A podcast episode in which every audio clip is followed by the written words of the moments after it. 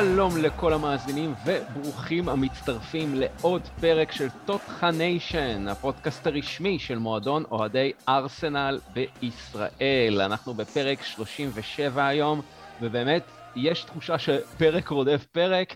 העונה נכנסה להילוך ממש גבוה, ואנחנו כמובן שמחים שארסנל עומדת היטב בקצב, וזה ממש כיף, כשגם בפרק הזה אנחנו צריכים לסקר רק ניצחונות. ובשביל המטרה הקדושה והמבורכת הזאת, אני מקדם בברכה את השותפים שלי להנחיה, סנדר זוננברג ודניאל ויינטרוב. אהלן חברים. אהלן חברים, שבוע טוב. אהלן אהלן, מה שלומכם? איך עבר עליכם השבוע וחצי האחרונים? וואי, מעולה לחלוטין, בהתחשב בעובדה שצ'רלי פטינו כבש את שער הבכורה שלו במשחק הבכורה, השבוע הזה עבר בצורה מעולה. אה, זאת בנוסף כמובן לניצחונות שלנו. דניאל, מה עשה לך את השבוע האחרון? לגמרי, לגמרי, מסכים עם סנדר, אה, תקופה טובה, אנחנו רואים רק ניצחונות, מה שאנחנו לא רגילים לראות כבר הרבה זמן. שוב, הכל יחסי, אבל בסך הכל בתקופה האחרונה אנחנו רגילים אה, לנצח, אז אני כבר מפחד לחשוב אם לא שכחנו בטעות את הטעם של להפסיד, וזה טוב. פתאום אנחנו כבר שייכים לתחושות האלה.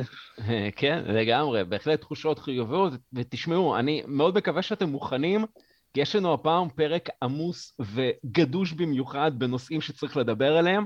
אנחנו נדבר גם על הדחת הקפטן שלנו, אובמיאן, גם על התפרצות גל הקורונה באנגליה, על חלון העברות של חודש ינואר שמתקרב, על אליפות אפריקה לאומות שמתקרבת, וזה עוד מבלי להזכיר את המשחקים והניצחונות המצוינים שהשגנו בהם, וכמובן נתייחס לרצף משחקי חג המולד שמחכים לנו. באמת פרק רווי בטוב. אז חברים, לראשונה מאז חודש דצמבר 2016, אנחנו מדברים כאן על חמש שנים, ארסנל נכנסת לחג המולד כשהיא חלק מה top 4, וזה מגיע בדיוק בטיימינג שבו מיקל ארטטה מציין שנתיים בדיוק בתפקיד ה manager של ארסנל, ואגב, סוף כל סוף אנחנו גם אה, במאזן שערים חיובי. בקיצור, הרבה דברים חיוביים, ואיך אתם קודם כל אה, רואים את התקופה המצוינת הזאת ככה מבחינת ארסנל? דניאל, נתחיל איתך. קודם כל, לא יודע, אני, שוב, אני רואה את זה בצורה מאוד אופטימית. אה, הקבוצה מתחברת, נראה לפחות שאנחנו יוצרים הרכב שהוא קבוע, סוף סוף אין את כל החילופים והבלאגן בהרכב. זאת אומרת שמשחק למשחק אני יודע לצפ... למה אני הולך לצפות לפחות. אני לא מופתע מכל מיני שחקנים הזויים שנכנסים uh, לכל מיני מקומות שלא שייכים להם. וזה מבחינתי הדבר הכי חשוב, שיש לנו עקביות מסוימת. לפחות uh, בהרכב, בשיטת משחק, שזה משהו שחוזר על עצמו וזה טוב, כי רואים שהשחקנים uh, גם אוהבים את זה וגם זה עושה איזה סדר מסוים. אני אישית מפחד שאנחנו כל כך נהנים מהתקופה הזאת של הניצחונות, ואני מפחד שבגלל שאנחנו בתקופה כזאת אופטימית, הצוות המקצועי שלנו לא ייקח אה, את המושכות ויעשה כל מיני רכישות מעניינות בחלון העברות הזה, ואז אנחנו נשלם על זה בסוף העונה, ואולי במחיר של אירופה. כן, ואם אנחנו ככה ממשיכים בקו הזה של שנתיים לארטטה בתפקיד, אז בואו נסתכל על המספרים של איפה הייתה ארסנל בעונה הקודמת בנקודת הזמן הזאת, בחלוף 18 מחזורי ליגה, ואיפה היא היום. אז באותה נקודה, לפני שנה בדיוק, אנחנו היינו עם שבעה ניצחונות בלבד בליגה, עכשיו אנחנו כבר עם עשרה. מבחינת צבירת נקודות, 24 נקודות בלבד בשנה שעברה, ועכשיו אנחנו כבר עם 32. וכמובן המיקום שלנו בליגה, המיקום בטבלה, אה, לפני שנה, באותה נקודת זמן, ארסנל הייתה במקום ה-12, ועכשיו היא כמובן במקום הרביעי. בהחלט חברים, מספרים uh, שמדברים בעד עצמם. אז שמע, יש לזה קשר ישיר, לה, אתה יודע, ליכולת של סמית רואו, שהוא פתאום לוקח את המושכות ויש על מי לסמוך. Uh, פתאום מרטינלי בעניינים, uh, סאקה יציב, שזה גם כן משהו שהוא יחסית חדש, כן? תמיד היה הכישרון הזה שבולט מדי פעם, אבל לא היה יציב. אז אני חושב שכל הדברים האלה ביחד, וההגנה כמובן, מביאים את, ה... את הקבוצה למקום שהיא נמצאת בה. לגמרי, ולצד ההרגשה הטובה, חברים, נראה שיש איזה כוח עליון שלא ממש אוהב לראות אותנו מצליחים, ואני כמובן uh, מתכוון לכוח האומיקרון, הזן החדש של הקורונה, שפשוט תוקף בצורה מפחידה את האי הבריטי. יש שם עלייה מאוד מאוד חדה במספר המאומתים, ויצא לי ככה היום אה, לעיין באתר של הדיילי מייל, נרשמו היום חברים 106 אלף מאובחנים חיוביים לנגיף, שזו עלייה של 35 אחוז ביחס למצב לפני שבוע בדיוק, וקיימת שם גם אה, אה, עלייה גם במספר המאושפזים, ככה שממשלת אנגליה והרשויות אה, עוסקות בשבועות האחרונים בלחשוב רק איך לצמצם את ההתפרצות במדינה ואיך בכלל לפעול עם המציאות הזאת. אז כמובן שגם על ענף הכדורגל יש השלכות מהמצב הלא קל הזה, חברים. משהו כמו תשעה משחקים או עשרה משחקים שכבר בוטלו, נכון? או נדחו עקב ההתפרצות. כן, וש... ועוד היד נטויה, כי עוד יש, יש עוד הרבה משחקים שאולי כתוצאה מה, מהנגיף הזה יידחו. את האמת שלנו זה טוב, כי כל הקבוצות צמרת שמשחקות גם באירופה, ייכנסו בסוף לאיזשהו פלונטר כזה של מלא משחקים שהם צריכים לסיים, לשחק, סליחה, אז אה, אולי, אולי זה דווקא ישרת אותנו בהמשך. כן, כי הנה במחזור האחרון, מחזור 18, רק ארבעה משחקים מתוך העשרה התקיימו. כן, זה גם uh, מקרין על המקום. אנחנו גם אסור לנו לשכוח שנגיד טוטנאם, שהיא אומנם נמצאת במקום השביעי, אבל יש לה 15 משחקים שאנחנו משחקנו 18. זאת אומרת, יש סיכוי הגיוני שהיא גם תעבור אותנו, זה גם אנחנו תלויים בהמון המון דברים. אז כאילו אנחנו צריכים להיות אופטימיים שאנחנו במקום רביעי, אבל בוא נגיד ככה, רוב הסיכויים שאנחנו לא נישאר שם, כי טוטנאם, כמו שאמרתי, שלושה משחקים חסרים, ויונייטד שני משחקים חסרים, אז דברים עוד יכולים להשתנות. זה גם משחקים uh, צריכים, יכולים להתבטל ודברים כאלה, אז כרגע מקום רביעי הוא קצת מקום fake, uh, אפשר לראות את זה ככה. כן, יכול להיות. בכל אופן, ביום שני האחרון נערכה פגישה של ראשי המועדונים, יחד עם ראשי הפרמייר ליג וההתאחדות האנגלית, שככה בסיומה הוחלט ברוב קולות שבשלב הזה ממשיכים כרגיל, לא משביתים, לא מקפיאים את הליגה, ככה שמחזורי הקריסמס הקרובים לא, לא יכילו ביטול, ביטולי משחקים. אה, וזה כל עוד כמובן קבוצה תצליח להעמיד 13 שחקני סגל כשירים פלוס שוער. אה, המשמעות היא שסביר מאוד שנראה את המחזורים הבאים מלאים לחלוטין בשבועות הקרובים, ובנוסף גם החליטו לבטל אה, את המשחקים החוזרים בסיבובי הגביע הקרובים, בסיבוב, בסיבוב השלישי ובסיבוב הרביעי. זה כמובן, המטרה של זה זה לרווח את הלו"ז עבור הקבוצות. מה שכן, על פי הדיווחים באמצעי התקשורת, ייתכן וממשלת בריטניה תחליט כבר בימים הקרובים לאסור על האוהדים להגיע לאצטדיונים, וזה אומר ששוב אנחנו נקבל תמונה מאוד אה, עצובה ומאוד עגומה של אה, מגרשים אה, ריקים חברים, כמה שאנחנו לא רוצים לראות את המראות הנוראים האלה. כן, זה, זה, זה משפיע על הקבוצה, זה משפיע על, על, כל קבוצה בעצם בליגה, זה, זה, זה הופך, זה אין משמעות בעצם לביתיות. הדבר החיובי היחידי שאני יכול לפחות לקחת מזה זה שהמשחקים שלנו נגד קבוצות קשות בחוץ יהיו יותר קלים על הנייר. כן, בכל אופן, בכל מה שקשור לארסנל, אז תמונת המצב שלנו יחסית סבירה, יחסית נסבלת. מי שככה נמצאו כחיוביים לאזן החדש הם בעיקר שחקני המשנה שלנו, אני מדבר על סמבי לוקונגה, על קאלום צ'מברס ופבלו מרי, וגם כמה מעובדי מתקן האימונים בלונדון קולני, אה, כולם כמובן אה, עברו לבידוד. אה, כרגע זה הפתרון, אה, בידוד. ואם כבר מדברים על בידוד, עוד שחקן שככה מצא את עצמו מבודד, והפעם לא מהסיבות הנכונות, הוא כמובן פייר אמריק אובמיאנג, וכאילו שלא היו אה, חסרות דרמות בארסנל, וכאילו שהיו חסרים מקרים בהיסטוריה של המועדון שבהם הקפטן של הקבוצה מסיים את דרכו בצורה מבישה, אז כמה ימים אחרי ההקלטה של הפרק האחרון שלנו, שבו גם הקדשנו דיון אה, לבעיות המשמעת שלו במיאנג, ארסנל מוציאה הודעה באתר הרשמי של המועדון, אה, שבה היא בעצם מודיעה שבעקבות ריבוי בעיות המשמעת שלו, אובמיאנג מודח מתפקיד הקפטן של הקבוצה, ולא רק זה, אלא שמאז הוא גם לא מתאמן איתה, לא בסגל שלה למשחקים, אה, לפחות עד אה, אחרי אליפות אפריקה לפי הדיווחים, ופשוט מתאמן לבד, אימונים בבידוד. אז אני רוצה לשאול אתכם קודם כל, חברים, את דעתכם על המהלך הדרמטי הזה. האם זה היה מתבקש, מוצדק, אולי נחפז מדי? אני חושב שיש לזה קשר ישיר ליכולת שהוא הפגין מאז החתימה על הארכת החוזה, כי אם אובמיאנג אם הוא לא היה, זאת אומרת, גם חלש בקבוצה בנוסף להכל, אז אני חושב שזה היה עובר יחסית ב... זאת אומרת, בשקט, כל הסיפור הזה שהיה סביב ה...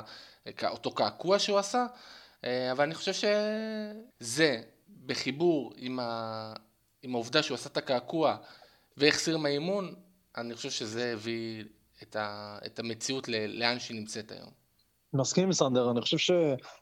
אה, אני לא יודע אם זה ארטטו או המועדון עצמו, די התלבשו על הסיפור הזה, ומזהים את הפוטנציאל ככה ביאן, שאולי לקראת ינואר, שיהיה אפשר אה, למכור אותו וגם להרוויח עליו כסף, כי יש לו חוזה עצום. לדעתי מראים לו את הדרך החוצה, וכמובן שזה הרבה יותר קל ברגע שהיכולת שלו גם אה, על הפנים וגם ככה, כנראה שהוא היה יושב על הספסל, אז המועדון כבר אומר לעצמו בשחקן ב-32, כנראה יכולת לא תחזור לאותה יכולת. בוא נגיד, זיהו פוטנציאל למכור אותו עכשיו. אני אישית מאוד מקווה שזה יקרה, כי עם כל זה שאני מאוד מאוד אוהב את השחקן, היכולת שלו באמת מזעזעת, ופשוט מאז שהוא לא נמצא אנחנו משחקים נהדר, אז לא יודע, אני לא רואה שום סיבה להחזיר אותו, עם כל הצער שבדבר, כי באמת הוא נתן אה, שנתיים אה, מצוינות בארסנל. אבל לצד, ה... לצד הרצון, אבל דניאל, של אה, ארסנל אולי להיפטר מאובמיאנג, יכול להיות שאנחנו נמצא את עצמנו בסוג של תסריט של מזוטוזיל 2. שוב, שחקן שיש לו משכורת מאוד מאוד גבוהה, ואף מועדון לא מוכן ל... לקלוט אותו עם משכורת כל כך uh, עצומה. אה, כאילו, חד משמעית, אבל זה משהו שיקרה לך או עכשיו או בקיץ גם ככה. בוא ככה, זה, בוא, אם לא היית עושה את זה, זה לא שעכשיו או במיאנג היה משחק יותר טוב, אתה מבין? אני לא חושב שיש קשר בין מה שקרה לזה לבין איך שבמיאנג משחק. זה לא שהוא התבאס על מה שעשו לו ואז הוא משחק לא טוב. הוא משחק לא טוב כבר מאמצע העונה שעברה, זאת אומרת שזה תהליך של אה, דעיכה, ואני חושב שהקבוצה מראה לו את הדרך החוצה, באמת מראה גם לו ולסוכן שלו את הדרך החוצה, ואז uh, מה שנותר להם זה להתחיל לחפש קבוצות, אבל אתה יודע, ארסן מניעים את התהליך הזה, מה שיקרה אחר כך כבר, הכל יכול להיות. גם אני מניח שגם אוזיל ניסה לצאת מהקבוצה, פשוט אף אחד באמת לא רצה אותו. אני לא יודע אם זה יהיה המצב במיאנג, אני מקווה שלא. גם כי לא מגיע לו להיות אה, שחקן ספסל ולהירקב ביציע, וגם כי שני הצדדים, אה, זה עסקת חבילת שטובה לשני הצדדים. כן, ונשאלת השאלה עכשיו, מי, מי בעצם ראוי להיות הקפטן החדש של ארסנל? מי ראוי להחליף את אובמיאנג? יש כמה וכמה מועמדים, אני ככה אשמח לשמוע את הדעות שלכם. נתחיל איתך, סנדר. האמת זה עוד מוקדם מדי, אבל אני הייתי רוצה שגבריאל, הבלם, יהיה קפטן. אמ, גם לקזט מתאים, אמ, אולי לענוד את הסרט של הקפטן, בגלל הוותק שלו בקבוצה, אבל גבריאל, אני מרגיש ממנו איזשהו אה, יכולת מנהיגות כזאת על המגרש, אפילו שהוא יחסית תקופה קצרה בארסנל, אבל אני הייתי מאוד שמח לראות אותו. דניאל? אני דווקא חושב שלכזה צריך להמשיך, לא יודע, אני באופן אישי מאוד אוהב את השחקן, אני גם שבמיאנג שיחק, אני מאוד הייתי בעד שלכזה תשחק, אני מאוד אוהב את הרוח שהוא מכניס לקבוצה. יש תחושה שהשחקן באמת, גם שהוא לא מצליח, הוא מנסה לעשות הכל כדי כן להצליח. אני אוהב את הרוח שהוא מכניס, את הצעקות שלו לצעירים, כמובן הוותק שלו, שהוא כבר חווה את כל התקופות. אה, לגמרי, ולא יודע, אני, שיש בו משהו, התחושה טובה של בשחקן בוגר שמחזיק את הילדים אה, מקדימה, זה מה שחשוב. גבריאל, אני באמת אוהב אותו כבלם, אבל הוא שחקן חדש. אני חושב שזה לא נכון יהיה לתת לשחקן כזה, ואם כבר הייתי נותן לשחקן חדש, זה כנראה לטיריני, או דווקא לרמסדל, דווקא האופי הבריטי זה משהו שיכול לעורר גם את הקבוצה מאחורה, אבל מבחינתי לקזט לגמרי הוא המועמד שלי. כן, והזכרת באמת את לקזט, ו- ואת התרומה שלו ל- ל- לכל החיבור הזה בחלק הקדמי של אה, ארסנל, ובאמת זה משהו שבלט מאוד בשני אה, משחקי הליגה האחרונים של הקבוצה, ואני כמובן אשמח ככה להתייחס, אה, שכולנו נתייחס כמובן למשחקים האלה. אז uh, נתחיל באמת uh, עם הניצחון של ארסנל על וסטאם יונייטד, 2-0 בבית, אולי המשחק המושלם ביותר שראינו את ארסנל משחקת העונה. אה, הישג שכמובן גובר כאשר אה, מדובר בקבוצה שהיא היריבה הישירה שלנו על המקום הרביעי בטבלה. כמעט 90 דקות של ככה שליטה אה, מוחלטת של ארסנל במשחק, להבדיל נגיד מהניצחון נגד טוטנאם, שכלל מחצית אחת טובה, אבל גם יכולת פחות טובה והזמנת לחץ במחצית השנייה, אם אתם זוכרים. הפעם נראה שארסנל שולטת בקצב המשחק ובמה שנעשה על המגרש בצורה אבסולוטית ומשיגה ניצחון יקר. ניצחון חשוב שגם גורם לה לראשונה עונה להיכנס לטופ 4, אה, כשהיא חולפת על פניה של וסטאם. אז חברים, ההתרשמות שלכם מהניצחון על הפטישים. קודם כל, אם אתם זוכרים בפרק הקודם, ממש ממש פחדנו מהמשחק הזה, ודיברנו על זה שאם ינצחו בהפרש של שתי שערים, אנחנו נהיה ב, ב, בסטטוס חיובי בטבלה מבחינת יחס של שערי זכות אל מול חובה, אז זה קרה, ומשחק מושלם שלנו. אני חושב שבכלל, מרטינלי מתחיל להיכנס לעניינים, אה, לקזט תופס איזשהו פיקוד, וכמו שדניאל אמר, הוא באמת שחקן שתמיד נותן 100% מהיכולת שלו. גם אם, גם אם הוא, זאת אומרת, לא מתפקד כמו שצריך, הוא תמיד נותן את המאה אחוז, הוא מתאבד על הכדורים, והוא מנסה להגיע, והוא מנסה לעשות הכל. אה, אז אני שמח שהצלחנו, זאת אומרת, לעבור את המכשול המטורף הזה, כי וסטאם זה חתיכת דבר. אז אה, אני גם מסכים עם סנדר, שוב, כמו שאמרנו בהתחלה, מאוד פחדנו מהמשחק הזה. ווסטהאם באמת קבוצה טובה השנה, אבל אני חושב שבאמת היה משחק מושלם. כל הקבוצה שטפה, מרטינלי נכנס ל, לעניינים בצורה מלאה, ולקזט שוב המשיך להוביל את הקבוצה, ואני גם חייב להוסיף על הקזט, שכל כך הרבה זמן תסכלו אותו, בכל מיני שחקנים שהעדיפו עליו, והעדיפו אותו במיאנג עליו, שאיכשהו נראה כמו הצל של עצמו, ועדיין הוא נכנס כל פעם גם איזה 15 דקות. 20 דקות, נתן את המקסימום, והנה עכשיו הוא סוף סוף, באמת, אני שמח בשבילו שארטטה סוף סוף אה, רואה אותו ונותן לו, וגם על אה, הכזאת מביא תפוקות. וכמו שסנדר אמר, באמת היה משחק מצוין, אין, אין מה להגיד.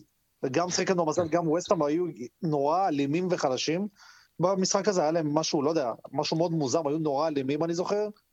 אבל עשינו הכל והתעלינו, וגם בסוף קיבלו גם את הכרטיס האדום.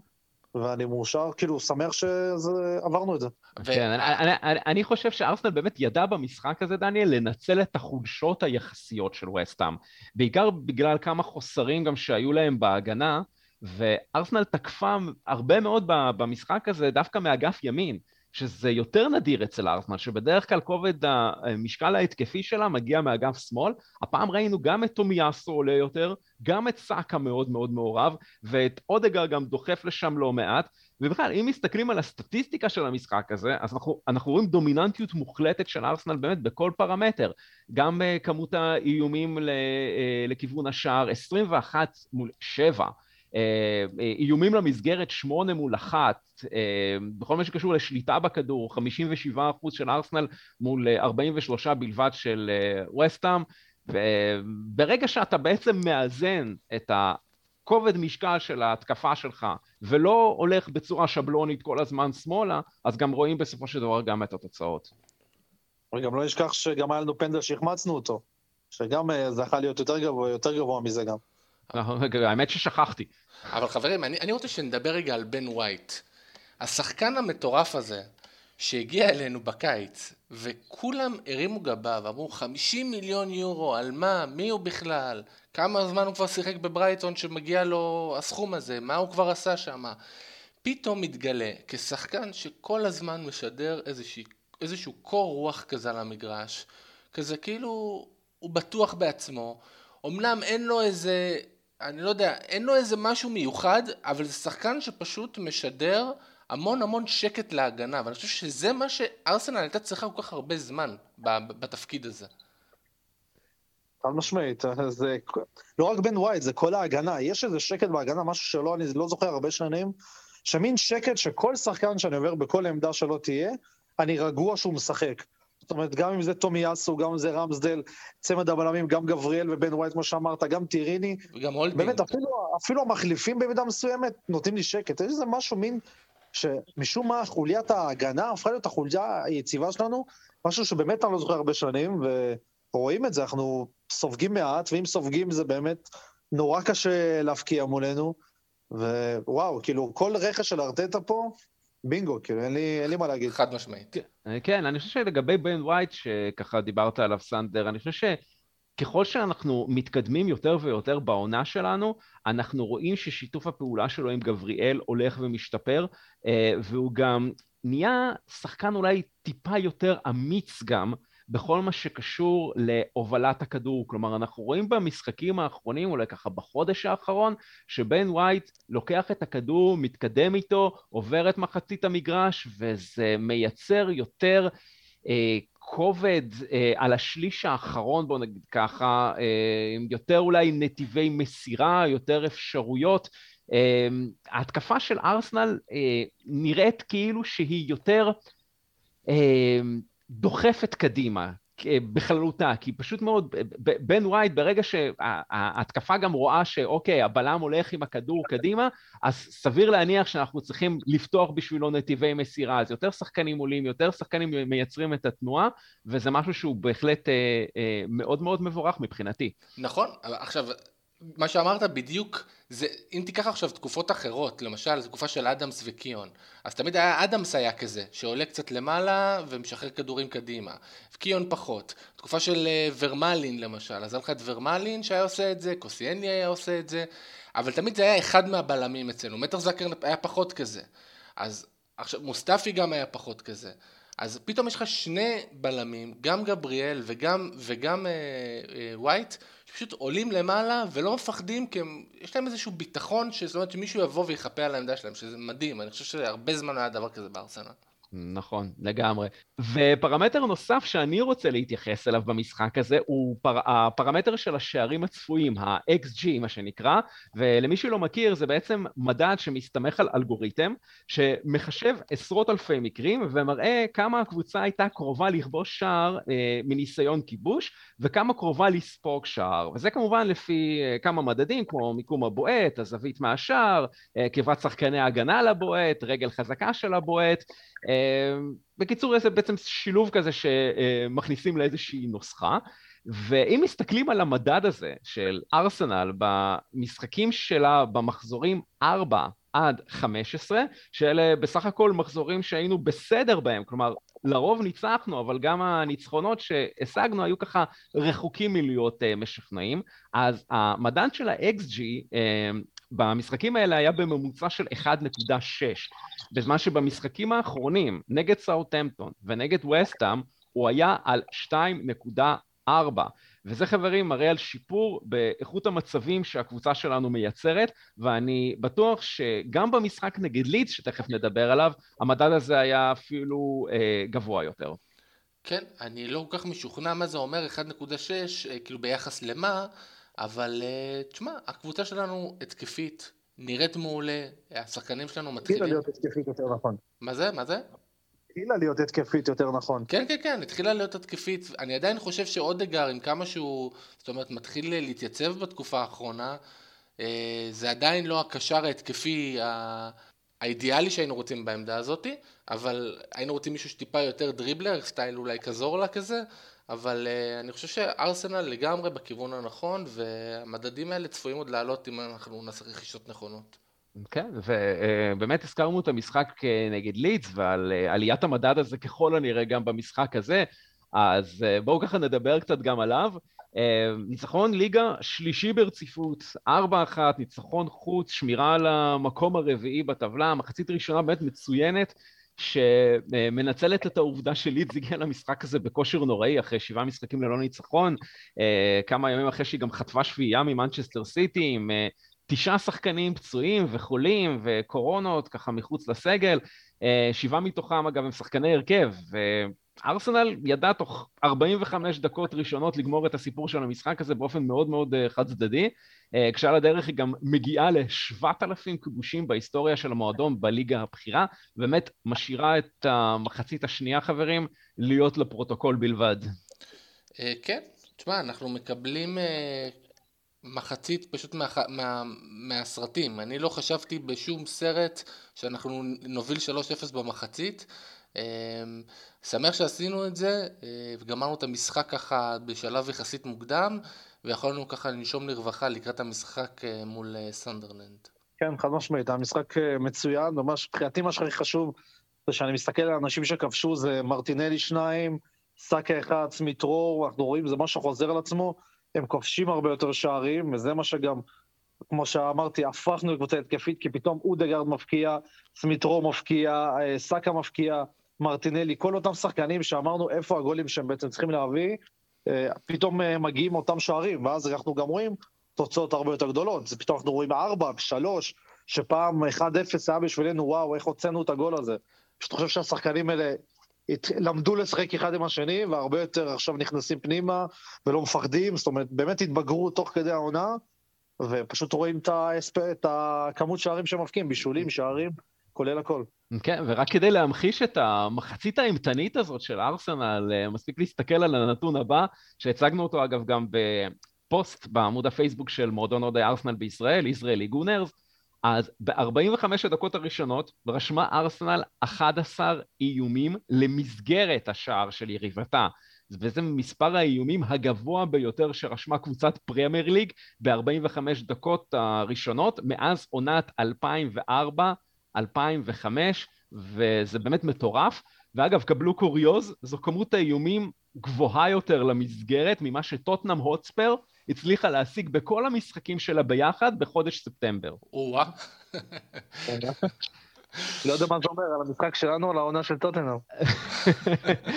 כן, אה, למה צריך להתעודד מזה? כן, כן. אני רוצה, דרך אגב, אה, להעלות נקודה אחת אה, בעייתית מהמשחק הזה, וזה ז'קה.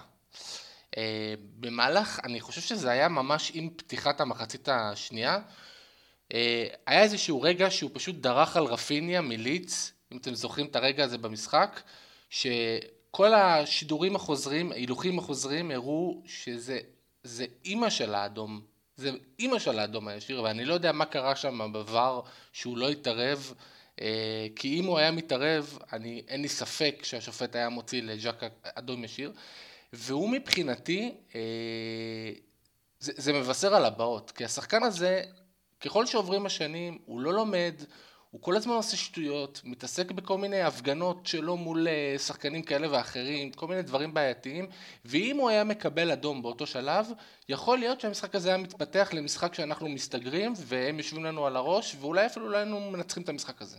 טוב, אה, באמת, קשה לי כבר לבטא את הרגשות שלי כלפי ז'קה, אני חושב שהוא שחקן אה, כושל, אני לא יודע מה הוא עושה עד היום בקבוצה. אני כל פעם מתבאס שהוא עולה בהרכב, אבל לצערי הוא ממשיך להיות בהרכב, ממשיך לעשות את השטויות שלו, ממשיך לעשות פאולים הזויים במקומות הזויים.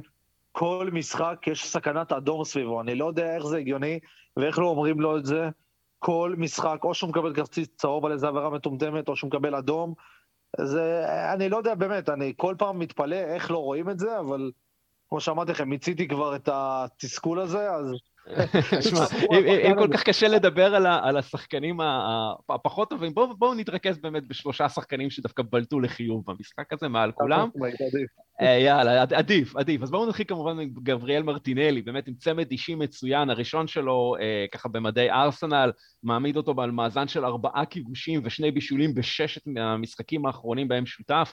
אה, מרטינלי עם 55 נגיעות בכדור במשחק הזה, שזה מספר מאוד גבוה, תשע מתוכם בתוך הרחבה של לידס, חמש מסירות מפתח וחמישה מצבים שככה הצליח לייצר. ואני חושב שמרטינלי מוכיח את עצמו בתור שחקן מאוד מאוד ורסטילי, כי כיף לראות אותו ככה מצליח לבוא לידי ביטוי גם מימין בשער שהוא כבש נגד ניוקאסל, גם משמאל במשחקים האחרונים וגם מהמרכז שהוא למעשה ככה חותך משמאל אה, אה, לאמצע והשער אה, נגד וסטאם עם הפריצה הזאת ככה שהייתה לו, פריצת העומק הזאת אה, מהמסירת אה, עומק של הכזאת והשער השני שלו נגד לידס מכדור העומק של ג'קה כל כך הזכירו לי אחד את השני, שזה פשוט ניצול מעולה של המהירות שלו, וברור שארסנל עובדת על זה באימונים שלה, וזה ממש כיף לראות סוף סוף עוד דרך שארסנל מצא לכבוש שערים, הרבה בזכות זה שמרטינלי הוא שחקן שמראה הרבה בגרות והבנה של ניצול השטחים, יודע בדיוק מתי ולאן לרוץ.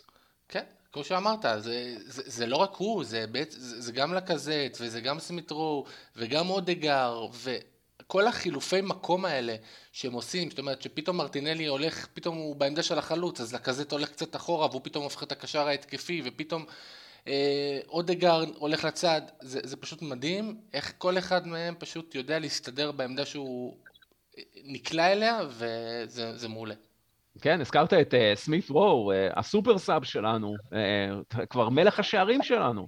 זה לא יאומן, פשוט מי היה, מי חזה את זה? וכמובן גם אודגר, מטורף, באמת, אודגר במשחק מצוין, הצליח לייצר שמונה, שמונה מצבים, כמובן מדורג ראשון בקטגוריה הזאת בקבוצה, כל מה שקשור למסירות בשליש הקדמי, גם כן, עשר מסירות כאלה, ראשון בקבוצה, מסירות מפתח ראשון בקבוצה, אמ, באמת מספרים מדהימים. ואני, ואני רוצה ברשותכם להתייחס לעוד שחקן שלא כבש במשחק הזה, אבל היווה גורם מאוד מכריע בדומיננטיות של ארסנל בו, ואני כמובן מדבר על הקפטן החלופי, על אה, אלכסנדר לקזט, שגם זכה לטור דעה אה, בשבחו מצד חבר מועדון אוהדים שלנו, ג'ניה לכט, שפורסם השבוע בעמוד הפייסבוק של ישראלי גונרס. אני ממליץ מאוד לקרוא למי שעוד לא עשה את זה. ואני רוצה להתייחס לנתון סטטיסטי מרשים מאוד במשחק הזה, שמראה על התרומה של לאקה, והוא שב-90 הדקות שהוא היה על המגרש, לאקה הפעיל 30 פעמים לחץ על מוביל הכדור של לידס, שזה יותר מכל שחקן ארסנל אחר העונה. כש-15 מהפעמים הללו זה גם מוביל לחטיפות כדור של ארסנל, שגם זה יותר מכל שחקן אחר של ארסנל העונה. ומעבר לצד ההגנתי, זו כמובן התנועה שלו, שבעצם פינתה שטחים לשלישיית הצעירים שלנו, שככה מקיפה אותו ואוהבת אותו ואוהבת להתמסר איתו, וככה באמת מזין אותם במסירות פעם אחר פעם. מאוד מאוד uh, משמח לראות את השיתוף פעולה המצוין הזה. כן, כמו שהזכרנו קודם, הוא פשוט שחקן נשמה שנותן 100% מעצמו, ואנחנו צריכים עוד שחקנים כאלה. כן. דניאל, אתה דיברת על הנושא הזה של אה, יציבות בהרכב, וזה באמת מעניין שאחרי כמעט אה, שנה וחצי שבה אה, מיקל ארטטה החליף את ההרכב שלו כמעט בכל משחק, זה היה המשחק הרביעי ברציפות שהוא דבק בהרכב שלו, וביצע, ולא, ובעצם לא ביצע שום שינוי. אז אני שואל, האם אתה חושב שסוף סוף הגענו אל הנחלה והתייצבנו אל ההרכב החזק ביותר שלנו? האמת, אני חושב שכן, אני חושב שגם ארטטה חושב את זה, כי בהתאם לכך הוא גם ממשיך לראות עם אותו הרכב. אה, אני חושב.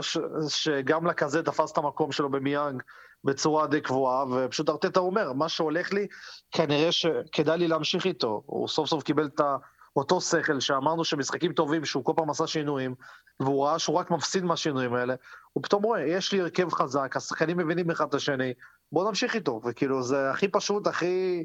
הכי טריוויאלי בעולם, וסוף סוף אנחנו עושים את זה כמו כל קבוצה אחרת בעולם. וזה עובד, כאילו כן. התוצאות מדברות בעד עצמם, אין מה להגיד. כן, ומה שמדהים זה באמת שההרכב הזה הוא כל כך צעיר, והתפוקות שלו כל כך מצוינות, 13 מתוך 26 שערים שארסנל כבשה העונה בפרמייר ליג, נכבשו על ידי שחקנים בגיל 21 ומטה. זה באמת נתון ששום קבוצה לא הצליחה להציג מאז לידס יונייטד בעונת 1999-2000. אה, באמת, אה, אה, מרשים מאוד. אבל בכל מקרה, אם אנחנו כבר מדברים על קריאת רשתות, אז מה תגידו על ההופעה של ארסנל נגד סנדרלנד בשלב רבע הגמר גביע הליגה? חמש אחת משכנע וההעפלה לשלב חצי הגמר של המפעל. אה, נציין רק שבזמן הקלטת הפרק אנחנו עדיין לא יודעים את אה, זהות היריבה של אה, ארסנל בחצי הגמר, אבל ברור שזה כבר הולך להיות מול קבוצת פרמייר ליג בחירה, וסיפור שונה לגמרי. ככה ביחס לטיול שהיה לנו נגד סנדרלנד, שנראה היה שכל מטאטא יורה. כל מטאטא יורה, תרתי משמע, אנקטיה כובש שלושה, אני... את האמת שיש הרבה אוהדים שכל כך התלהבו מזה, ואמרו, וואי, הנה, סוף סוף אה, אנקטיה פורח, והנה הכישרון מג, מג, אה, קורם גידים. אני אישית לא כל כך אה, מתלהב, לא ממהר להתלהב, כי אנקטיה ראינו כבר שהוא שחקן מאוד מאוד אה, פושר, וכשהוא משחק נגד החלשות הוא אלוף העולם, כמו שהוא הצליח אז בצ'מפיונשיפ, אז... אה, תודה לאלה שניצחנו 5-1, אבל זה באמת הבמה של אנקטיה, המקומות האלה. לגמרי, זה... היה משחק מצוין, אבל אין לי כל כך מה ללמוד מהמשחק הזה, כי גם ההרכב היה די מבולגן, שכנראה לא ישחק אחד עם השני אף פעם בח... עוד, בוא נגיד בו יותר uh, משחקים. וכמו שאמרנו, אינקטיה שוב, זה אותו שחקן בינוני שמבקיע מול סנדרלנד, שאין מה לעשות, יריבה מאוד מאוד חלשה, ו... התוצאה הזו די צפויה, בוא נגיד ככה, אני שמח שעשינו את זה, אבל זה לא שעכשיו נפלתי מהכיסא בתוצאה הזאת. שמח שככה היו שחקנים שהשתפשפו יותר, אה, המחליפים עלו, אבל בגדול אין לנו יותר מדי מה ללמוד במשחק הזה, ההרכב הזה לא קשור אחד לשני בשום צורה. כן, אבל זה בהחלט חשוב מאוד ששחקני המשנה גם יציגו יכולת טובה, וייהנו... כן, ייהנו מהמומנטום החיובי הכללי שהקבוצה נמצאת בו בתקופה האחרונה, ושחקנים למשל כמו פפה, שנכון, הוא לא מקבל עכשיו אה, יותר מדי דקות, אבל כיף לראות אותו פורח, ובאמת הוא נראה אימתני מאי פעם, הוא נבחר לשחקן המצטיין במשחק הזה, והרגיש באמת שכל פעם אה, שהכדור ככה מגיע אליו, יש לו סיכוי טוב ככה להבקיע, או לפחות לבשל. אה, וגם השיתוף הפעולה שלו עם סדריק, שעקף אותו כל פעם באגף ימין, היה מצוין, וזה משהו שגם דיברנו עליו בעונה הקודמת, שככה ההבנה ביניהם טובה. אה, ואפילו צ'רלי פטינו, כן? ילד בן 18, אה, בהופעת הבכורה שלו במדעי הקבוצה הבוגרת של הארסנל, אה, נכנס כמחליף, ווואלה, במשחק הבכורה שלו מתכבד בשער החמישי. כן, אני קצת התבאסתי שהוא נכנס ממש ממש בסוף, בעשר דקות האחרונות. אנחנו הובלנו לדעתי כבר שלוש או ארבע אחד בדקה 70 או 65, ולדעתי הוא יכל להכניס אותו לפני שהוא הכניס את מרטינלי. אה, לשמור אותו לצורך העניין עכשיו לבוקסינג דיי, כדי שהילד הזה יצבור ניסיון ועוד דקות ו... ולא ייהנה מדקה פה, דקה שם, ולא יעשה את אותה טעות שעשינו עם בלוגן ועם אנקטיה בזמנו. כן, ואם כבר הזכרת את אה, אדי אנקטיה ודיברנו גם על אה, לקזט, אז אני רוצה לשאול אתכם חברים שאלה קצת טריקית, אוקיי? שאלה קצת טריקית והיא די היפותטית, אבל דמיינו לעצמכם מצב ש... אם זה היה תלוי בכם, אוקיי? Okay? והיה לכם רק חוזה אחד ביד, עם אפשרות להערכה לשחקן שמסתיים לו החוזה בקיץ הקרוב, אוקיי? Okay? Uh, מבין האופציות של אדי אנקטיה או אלכסנדר לקזט, ממי בין השניים הייתם מעדיפים לתת את ההערכה? אמ, אני הייתי נותן ללקזט, כי אני חושב שלקזט הוא פשוט אה, שחקן כזה שאתה פשוט צריך אותו, אתה יודע שאתה יכול לסמוך עליו, אנקטיה הוא שחקן ש... הוא, לא התפתח טוב, הוא, הוא, הוא התפתח בצורה כזאת שאתה אתה לא יודע מה אתה תקבל ממנו בשום שלב, סוג של וולבק כזה. שחקן כזה שפתאום משחק אחד ייתן לך שני שערים ואז ייעלם לעשרה. ולקזט לפחות אתה יודע שיתאבד על המגרש, אז אה, אני הייתי נותן לקזט. אוקיי, דניאל? אני לא מבין איך אפשר להתלבט, אני, תקשיבו, אנדין קטיה, שחקן שאני שומע עליו, נראה לי מאז שאני בן 16, שאנחנו כל פעם מקווים שהוא יתפתח, וכל פעם אנחנו מבינים שהוא, אין לאן להתפתח שם, הוא תמיד מרשים בגביע הליגה, ופה זה נגמר. הוא שחקן פשוט בינוני, הוא מתאים לרמות ה... באמת, לאמצע טבלה של הפרמייר ליג, לא מעבר, ולכזה תוכיח את עצמו. בסוף, אה, כן, הוא לא טרי אנרי, וכנראה שהוא גם לא ניקולס אנלקה ועוד הרבה חלוצים אחרים שהיו יותר גדולים ממנו. הוא חלוץ טוב, הוא נותן את התפוקה, כרגע לפחות. השחקנים מתחברים אליו, יש לו איזה מנהיגות כזאת בקבוצה שעוטפת אותו. ואנקטיה, אין לי, אין לי שאיפה, אין לי ציפייה ממנו שיהיה משהו מעבר ל... כמו שסנדה אמר, מעבר לוולבק, ואני גם חושב שגם יגיע לרמה של וולבק זה יהיה נס. כי הוא בינתיים נראה לי באמת בינוני. שוב, מול סנדרלנד זה לא חוכמה להבקיע שלושה. ברגע שזורקים אותו למשחקים קצת יותר קשים, אז פתאום אדי אינקטיה מבינים את הרמה שלו, והיא לא רמה גבוהה. אז אני באמת, אין פה מה להתלבט, לקזט לחלוטין. אה, אז אני אשמח אה, כמובן גם להפנות את השאלה הזאת למאזינים שלנו. אז אה, מי ששומע אותנו דרך הספוטיפיי, שימו לב שבעמוד של הפרק מופיעה השאלה, אז אתם מוזמנים לכתוב לנו את דעתכם, ואנחנו כמובן נתייחס לזה בפרק הבא.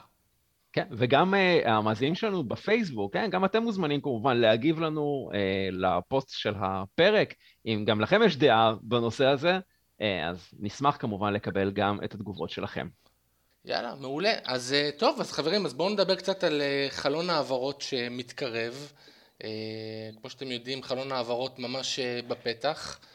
Uh, מתחיל למעשה בראשון לינואר ומסתיים ב-31 לינואר. אה, אנחנו נדבר רק קצת על השחקנים שעשויים לעזוב ואלה שעשויים אולי להגיע אה, ובואו נתחיל אולי דווקא באלה שעשויים לעזוב.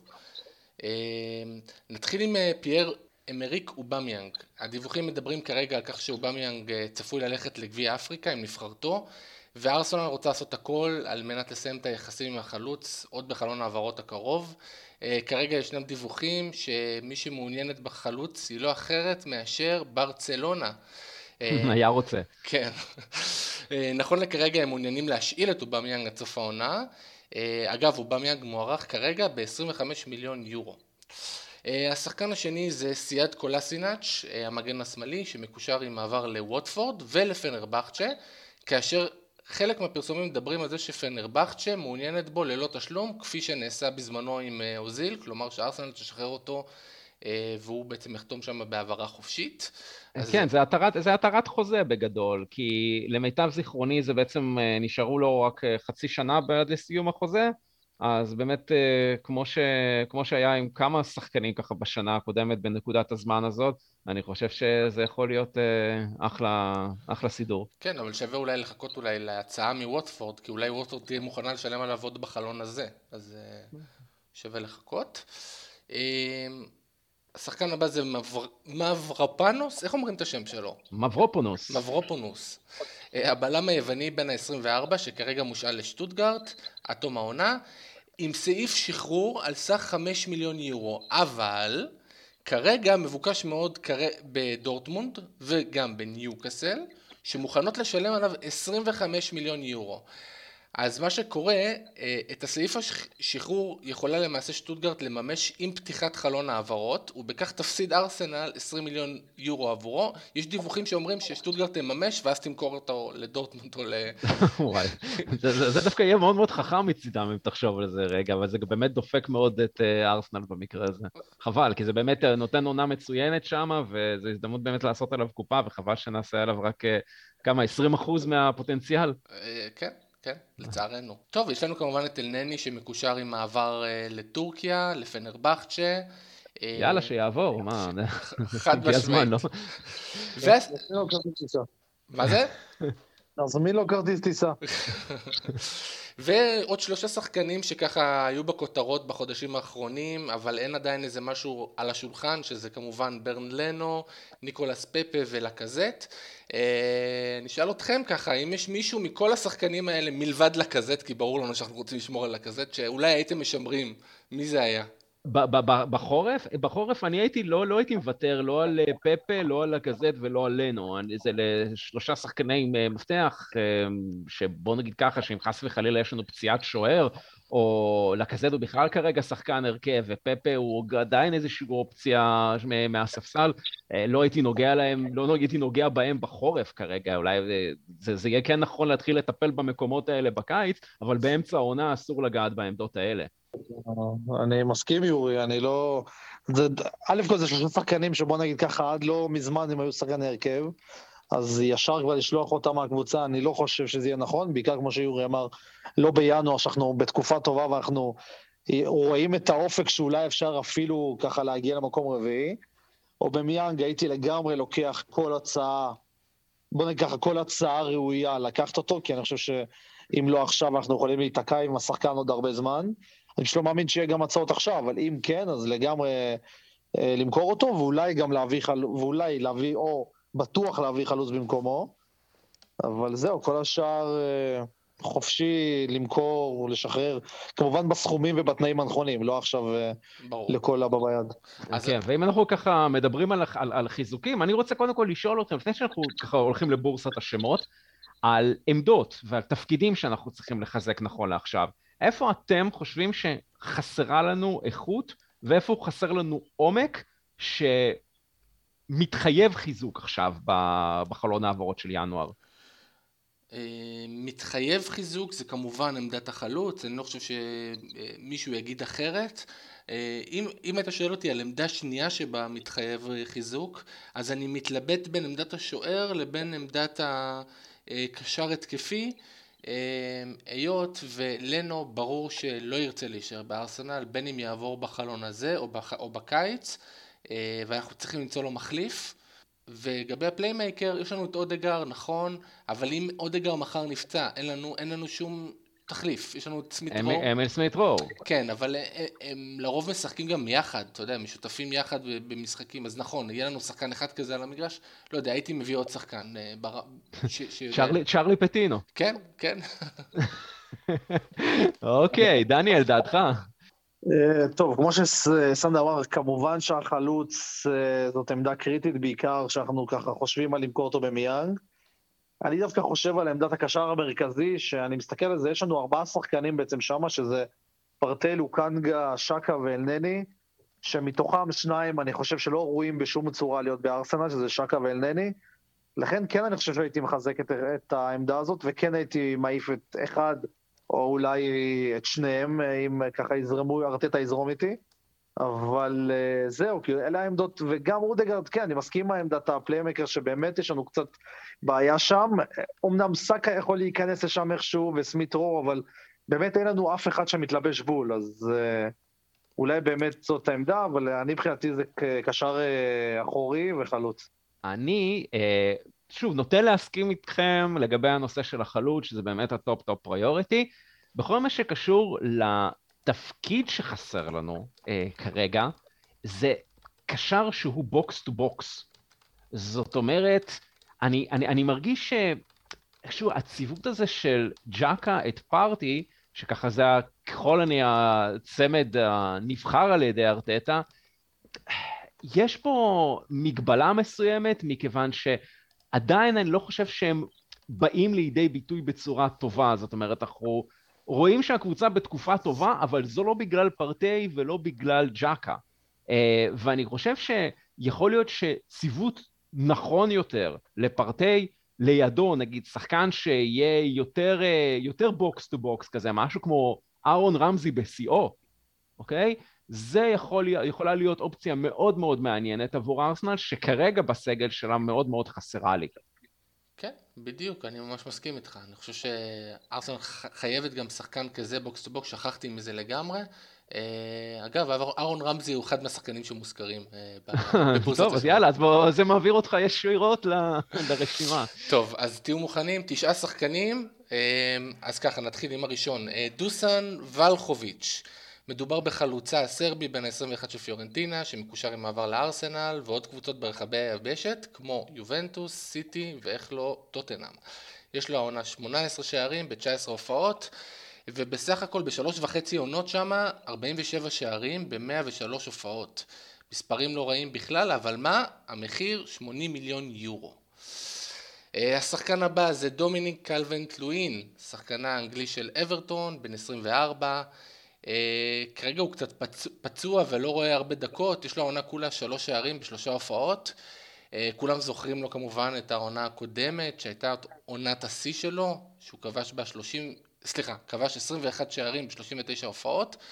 אה, לגבי המחיר, לטעמי סכום מאוד לא ריאלי, 60 מיליון פאונד לפי הדיווחים האחרונים.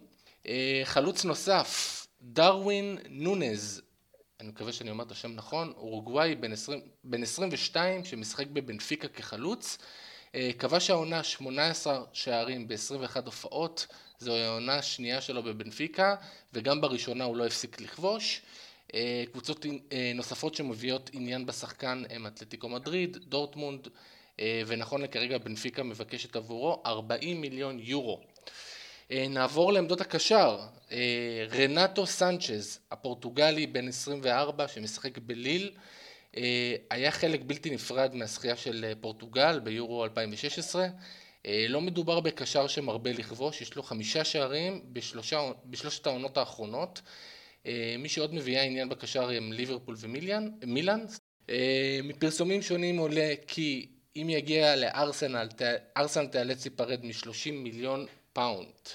כן, אגב, אגב לגבי הסנצ'ז, הוא גם אה, התייחס, אני חושב שלפני משהו כמו חודש בריאיון שנערך איתו, והוא, אני לא אגיד שהוא רמז כל כך על כך שהוא רוצה לעבור, אבל כן היה בין השורות אפשר להבין שהוא כן מחפש איזשהו שדרוג לקריירה שלו, וכן הוא היה רוצה להגיע למועדון גדול, הוא באמת הזכיר את השמות של מילאן וארסנל כמעוניינות בו, אה, ושהסוכן שלו, כן, מה שנקרא, פעיל בגזרות האלה, ויהיה מאוד מאוד מעניין לראות אם uh, החורף הזה יפתח בפניו את השערים uh, ליציאה ולשדרוג uh, של הקריירה שלו. שחקן מצוין, שככה עוד יש לו הרבה שנים טובות לתת קדימה, אני חושב שיכול להיות שדרוג לא רע בכלל לארסנל. טוב, השחקן הבא זה איסקו, הקשר הספרדי של ריאל מדריד, בן 29, uh, הוא כבר לא חלק מההרכב, אה, אפילו סירב להתחמם באחד המשחקים האחרונים של ריאל, וזאת אחרי, ש... אחרי שבשלוש משחקים האחרונים הוא פתח בספסל ואפילו לא שותף. אה, באופן כללי שותף רק בשבע משחקים העונה, אה, ושיחק סך הכל 177 דקות, שזה פחות משתי משחקים מלאים, והוא לא פצוע. אז הקריירה שלו בנסיגה, ויש שם אנרגיות לא טובות, ונדמה שהוא בדרך החוצה. גם ניוקאסל מעוניינת בו, אה, צריך להתרגל לזה, דרך אגב. כן, ניוקאסל עכשיו כן, בדיוק, כאילו סוג של מנצ'סטר אה, סיטי החדשה. מה זה? אני אומר שאיסקו שחקן מעניין, הוא שחקן עם המון פוטנציאל, ויכול להיות אותו box to box שיורי כל כך רוצה, הוא מאוד מזכיר את רמזי גם. כן, והוא גם ממש בזול, הם רוצים עבורו כרגע 15 מיליון יורו. כן, השאלה גם באיזה כושר אנחנו מקבלים אותו, זה גם, זה יכול להיות שחקן שלא שיחק אה, כבר חצי שנה, אולי קצת יותר, אז אמ, כן. לא יודע בדיוק עד כמה, איך, אם אנחנו נקבל אותו מיידית, עד כמה מהר הוא ייכנס, וזה, זה קצת סימני שאלה. ינואר לא תקבל כוכב, וינואר זה די הימור רוב השחקנים, אז אה, אתה יודע. כן. טוב, עוד ארבעה חברים. אה, אז ככה, השחקן הבא הוא לדעתי השחקן הכי פחות מעניין ברשימה, דז'אן קולוסבסקי, השחקן הכנף של יובנטוס, אה, השוודי בן 21, הפך להיות שחקן הרכב קבוע ביובנטוס. אה, יש לו העונה 21 הופעות ושער אחד בודד, מוערך כרגע ב-40 מיליון יורו. ומספר 7, איירון רמזי. חיכיתי לזה. הוא בן 31 עוד כמה ימים, אה, הוא לא ממש מצליח לממש את הפוטנציאל שלו אצל הגברת הזקנה, הוא שותף העונה בסך הכל בחמישה משחקים והפך להיות לשחקן רוטציה. אה, החוזה שלו מסתיים בסוף העונה, ואולי זה זמן טוב לקחת שחקן מנוסה כמוהו עם אה, היסטוריה במועדון שלנו. אני מזכיר שבקרוב יש את גביע אפריקה, כלומר אלנני ותומאס פרטי לא יהיו זמינים עבורנו, ויכול להיות שאופציה כזאת היא לא רעה בכלל עבורנו. אה, ככה, השחקן הבא, ארתור מלו, גם הוא מיובנטוס, הוא השחקן האחרון מיובנטוס ברשימה, בן 25, ממוצא ברזילאי, שיחק בברצלונה בעבר אה, כשחקן הרכב לפני שהגיע ליובנטוס. אה, מדובר בקשר אמצע שלא מרבה להפקיע אבל עם יכולות טכניות שיכולות לגמרי להרים את המשחק הקבוצתי. אה, ארסנל תיאלץ להיפרד מ-30 מיליון יורו על מנת להביא אותו. והשחקן האחרון, ג'ונתן דיוויד, הקשר ההתקפי הקנדי, שמשחק גם כן בליל כמו רנטו סנצ'ז, הוא בן 21, יש לו 15 שערים ב-21 הופעות.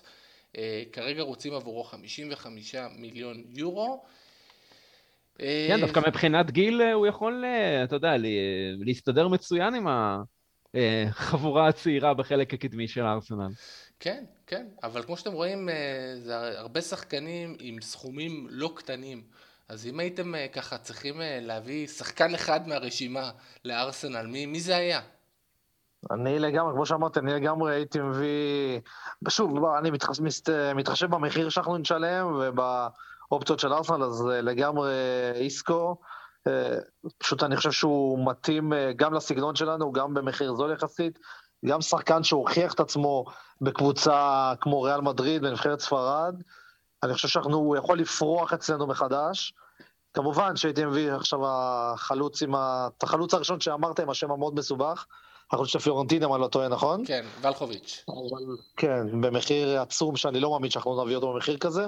כמובן שאם אה, הוא אופציה אז הלוואי, אבל אני באמת לא מאמין שנביא אותו ב-80 מיליון, אבל הוא חלוץ מדהים.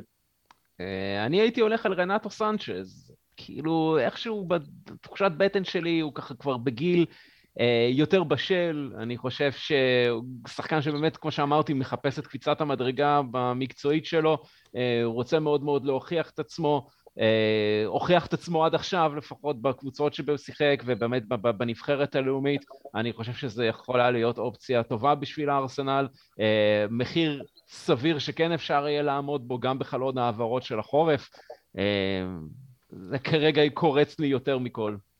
אה, אם אני הייתי צריך לבחור, אני הייתי בוחר את אה, דרווין נונז הזה, שלא ידעתי איך לבטא את השם שלו, החלוץ של בנפיקה, רק בגלל שהנתונים שלו הם נתונים מטורפים, 18 שערים ב-21 הופעות, ומבקשים עבורו מחיר יחסית ריאלי, משהו שארסנל לדעתי יכולה לעמוד בו, בטח אם היא תצליח למכור את אובמיאנג, רוצים עבורו 40 מיליון, אז אני מאמין שזה ככה משהו שהוא ריאלי לארסנל. אוקיי, טוב, נראה. אה, חודש ינואר, מה שנקרא, לפנינו, ואז אנחנו נוכל לקבל את כל התשובות. ומה שעוד מחכה לנו, חברים, בחודש הזה, היא אליפות אפריקה לאומות, שזה בעצם האייטם הבא שלנו, אה, שכל ארבע שנים באמצע עונה תקועה לנו כמו קוץ, נו, אתם יודעים איפה, וזה בטח רלוונטי לארסנל שיש לה כמה שחקנים אפריקאים בסגל, אז דניאל, אה, נשמח אם ככה תעשה לנו קצת סדר בדברים ובתאריכים על אה, כל מה שקשור לאליפות היבשת השחורה. כן, אז כמובן האליפות שכמו שאמרת, יורי, תמיד אה, תקועה לנו במק... בזמן הכי לא מתאים, במקום הכי לא מתאים. אז ככה פרטים יבשים על האליפות, אז היא תהיה בין ה-9 בינואר בעצם ל-6 בפברואר, קצת פחות מחודש. לגבי, בימים האחרונים ככה רצו שמועות על אולי דחייה של הטורניר בעקבות האומיקרון, אז דווקא אתמול היה הדיון שהוחלט להמשיך עם הטורניר כרגיל. כנראה שיהיו הגבלות פה ושם על אצטדיונים שונים מבחינת קהל, אבל מבחינת האליפות לצערנו תתקיים. אז uh, כמו שאמרתי, השחקנים uh, של ארסנל שבעצם uh, עוזבים לתחרות זה אובמיאנג, אלנני, פרטי ופפה. מתי הם משוערים לעזוב? זה כנראה בין ה-27 ל-29 בדצמבר. יש לנו משחק מול וולס ב-28 לדצמבר. Mm-hmm. לפי מה שקראתי ככה בכמה מקומות, במקורות, השחקנים כן יהיו זמינים במשחק הזה, ואחרי המשחק הזה הם יעזבו. Mm-hmm. זה בעצם ככה מבחינתנו, זאת אומרת שמול סיטי אנחנו נקבל uh, בלי פרטי ובלי אובמיה, שוב, בעיקר בלי פרטי. Uh, בנוגע לתחרות עצמה, אז שלב הבתים זה שלב בתים רגיל, כמו שאנחנו מכירים, ארבע קבוצות שכל אחת משחקת פעם אחת מול השנייה, הראשונה והשנייה עולות, ואז ארבע הקבוצות הטובות ביותר שהגיעו למקומות השלישיים בכל הבתים, הם בעצם הצטרפו לראשונה והשנייה בכל בית. אה, וזהו, עכשיו אנחנו צריכים אה, ככה לדבר אה, אנחנו, איך זה משפיע עלינו בעצם האליפות הזאת. אני מסתכל על ארבעת השחקנים שהולכים להיעדר, ואני רואה נכון לעכשיו רק שחקן הרכב אחד, שזה בעצם תומאס פרטי, והשאלה בעצם מי הולך למלא את מקומו בהרכב. Uh, כרגע אנחנו קצת בסימני שאלה לגבי לוקונגה, כי לוקונגה הרי כמו שציינתי uh, בתחילת הפרק, חלה בזן החדש של אומיקרון, אז הוא כרגע בבידוד. Uh, נקווה שהוא יהיה, מה שנקרא, בסדר עד שאליפות אפריקה תתחיל, או לפחות עד שפרטי יצטרך לעזוב אותנו. אמ, יש לנו כמובן גם את האופציה של אינסלי, שלא שיחק נגד סנדרלנד, אבל הוא לא שיחק בגלל שהוא חולה במשהו אחר, זה לא, לא קורונה ולא אומיקרון, כרגע הוא סתם חולה. אז ככה שיש לנו את האופציות, בואו נגיד ככה, בסגל שלנו כן אה, למלא את המקום של פרטי. לגבי שאר השחקנים, אז שוב, הם שחקני משנה. Uh, כרגע לא חלק מההרכב, אז אני חושב שזו גם תהיה הזדמנות בשביל uh, שחקנים אולי יותר צעירים, uh, אם זה במקרה של פפה, אז אני מאמין שמרטינלי המקום שלו שם, ואולי גם בלוגן ואנקטיה, ככה בתפקידים היותר התקפיים. אה, ובכל מה שקשור לאלנני, אז הוא שחקן בסך הכל רביעי ברוטציה בעמדה שלו, אז כבר דיברנו על העמדה שלו שיש לנו שם בסך הכל פתרונות, ואובמיאן כרגע בבידוד, בבידוד אה, חברתי, אז, אה, אז הוא כרגע פחות רלוונטי, ככה שגם אם הוא היה זמין לנו, אני לא יודע אם עד כמה ארטטה היה רץ להשתמש בו אחרי כל הפרשה שהייתה איתו בשבוע וחצי האחרונים. כן, כמו שיורי אמר, אני חושב שאנחנו ניתקע רק באמצע, זאת אומרת, אלנני גם שהוא, אפילו שהוא שחקן אה, רביעי ברוטציה, אה, עצם העובדה שהוא לא יהיה זמין, וגם פרטי לא יהיה זמין, אז זה משאיר אותנו עם ג'קה, ניילס ולוקונגה, ותארו לכם שאחד מהם עכשיו נפצע או חולה בקורונה, אז אנחנו בבעיה רצינית. אה, אז שאלה... כן, אה, יש עוד אופציות, יש אה, תתי אופציות, כן? למשל הסתה של אחד מהבלמים, כן? זאת אומרת, צ'יימברס שיחק בעונת ההשאלה שלו בפולאם בתור קשר דפנסיבי. יש גם את האופציה של בן וייט, שיכול גם לתפקד בסוג של קשר דפנסיבי, אז... זה הכל כזה, אתה יודע, זה... כן, זה כן, כן, זה, זה worst case scenario, אבל עדיין בואו נגיד ככה שזאת אה, כרגע לא איזושהי קטסטרופה, ואני חושב שבמסגרת הסגל שלנו עדיין אפשר למצוא פתרונות, גם אם מאיזושהי סיבה גם לא קונגה ואינסלי לא יהיו זמינים לנו. בוא נגיד, סך הכל מהאליפות אנחנו יוצאים בזול. Uh, אני לא זוכר הרבה, הרבה שנים שדווקא השחקנים שהולכים אותם שחקנים שלא משחקים, חוץ מפרטי כמובן, אז אנחנו סך הכל יוצאים די בזול מהאליפות הזאת. אה, זה יכול לעשות גם טוב שלוקנגה יתחיל לשחק אה, הרבה יותר. ושוב, כן, חוץ מזה שיהיה לנו חסר כמה שחקנים בסגל אה, לתקופה של פחות מחודש, אני לא רואה איך זה פוגע בנו. בואו נקווה שוב, אני לא אפתח פה פה ואף אחד לא ייפצע, ואז אנחנו נרגיש את זה, אבל כרגע אנחנו יוצאים מאוד בזול מהאליפות הזאת. אוקיי, okay, טוב, אז uh, בואו נדבר באמת על מה שמצפה לארסנל, שתיכנס עוד מעט לרצף ה... משחקים של חג המולד. אנחנו מדברים על נוריץ' סיטי, וולפס ומנצ'סטר סיטי, ואנחנו נדגיש שכל המשחקים הללו עדיין נמצאים אה, לפחות עד שעתיים לפני תחילתם במידה כזאת או אחרת של אה, ספק, של חוסר ודאות אה, ואפשרות לביטול.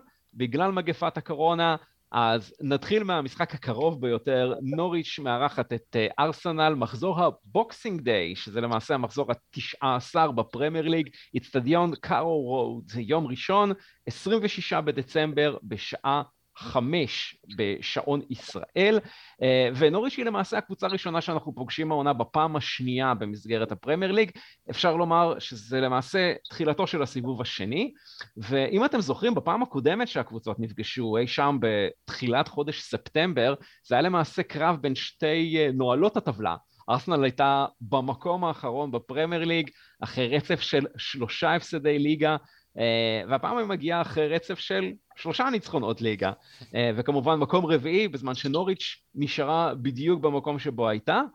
אה, באותה תקופה, והיא גם מגיעה למשחק הזה אחרי שלא הצליחה לרשום ניצחון בחמש משחקי הליגה האחרונים של החברים.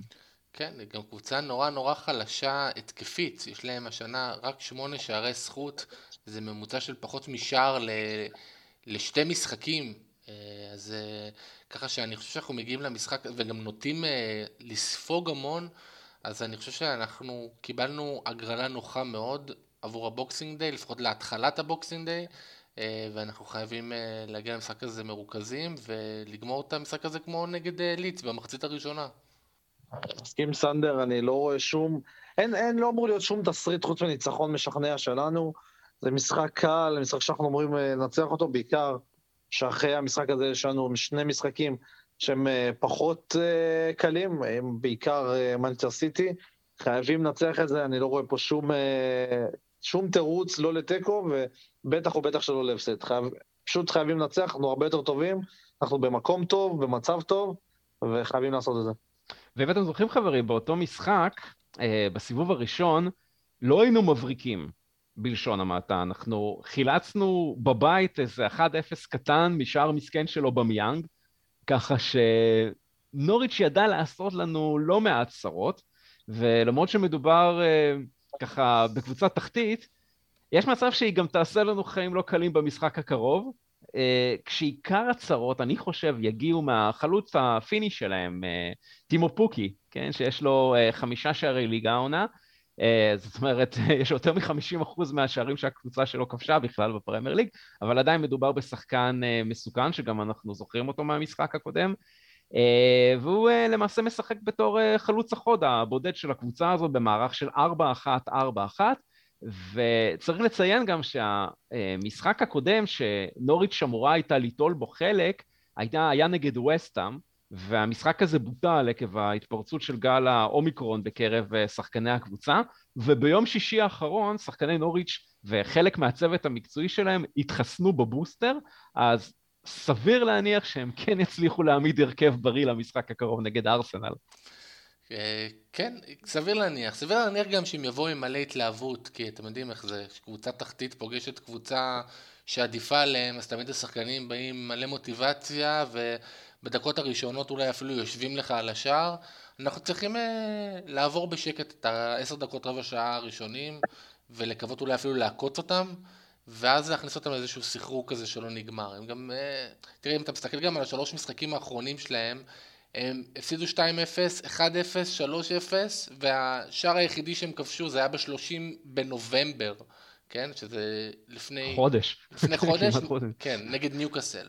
אז כאילו, ו- ולפניו הם כבשו ב-20 לנובמבר, והיה להם בין, בין לבין עוד משחק. אז כאילו זו קבוצה שבאמת לא מרבה לכבוש, ואנחנו צריכים פשוט להרגיע אותם בדקות הראשונות ולהשתלט על המשחק. כן, ובואו נדבר באמת קצת על ארסנל ועל חלוקת הכוחות לשלושת המשחקים הקרובים שלה. אנחנו מדברים על שלושה משחקים תוך שבעה ימים, וזה לא שלושה משחקים של גביע ליגה, קבוצה מליג 1, אה, שלושה משחקי פרמייר ליג אה, רצופים, אז אני אשמח לדעת איך אתם הייתם ככה מתמודדים עם העומס שיא הזה של העונה, איך בדיוק נכון יהיה לדעתכם לעשות את הרוטציה במקרה הזה לשבוע הקרוב. אמ, תשמע, אני רוצה להגיד משהו שלא הרבה אוהבו לשמוע, אבל אני לא מסתכל על המשחק נגד סיטי כמשחק שהוא עכשיו מכשול. אני לוקח את זה כמשחק שברור שאנחנו הולכים להפסיד, שאלה כמה אנחנו נפסיד. אז אני מבחינתי שתי המשחקים הקרובים, שזה נגד נורוויץ' ונגד אה, וולף, זה המשחקים החשובים, וארסנל צריכה אה, להעמיד את ההרכב הראשון לדעתי, הכי חזק שלה בשני המשחקים האלה. אז כן, אז הייתי עולה במשחק הזה עם, אה, עם כל הרביעייה האחורית שלנו הקבועה, ובאמצע עם פרטי ועם ז'קה, ו, ו, ולמעלה עם סאקה, מרטינלי, אודגר וסמית ו, ולקזט בשני המשחקים הקרובים. אוקיי, דניאל? אז אני דווקא הייתי עושה את הרוטציה מול אה, נוריץ', כן הייתי טיפה משלב שחקני ספסל. שוב, שחקנים כמו פפה, אלנני, יכולים לשחק במשחק הזה. אה, אני מקווה מאוד שגם השחקנים האלה יכולים לנצח בעזרת, שוב, שילוב של שחקנים מהרכב הראשון, לנצח את נוריץ'. מול וולפס הייתי משחק הרכב אה, ראשון לחלוטין, שזה יום שלישי, ואז ביום שבת מול סיטי גם, אני, בניגוד לסנדה, אני באמת לא חושב שאנחנו יכולים... לא, שוב, אני לא רוצה שנגיע מראש בתחושה תבוסתנית.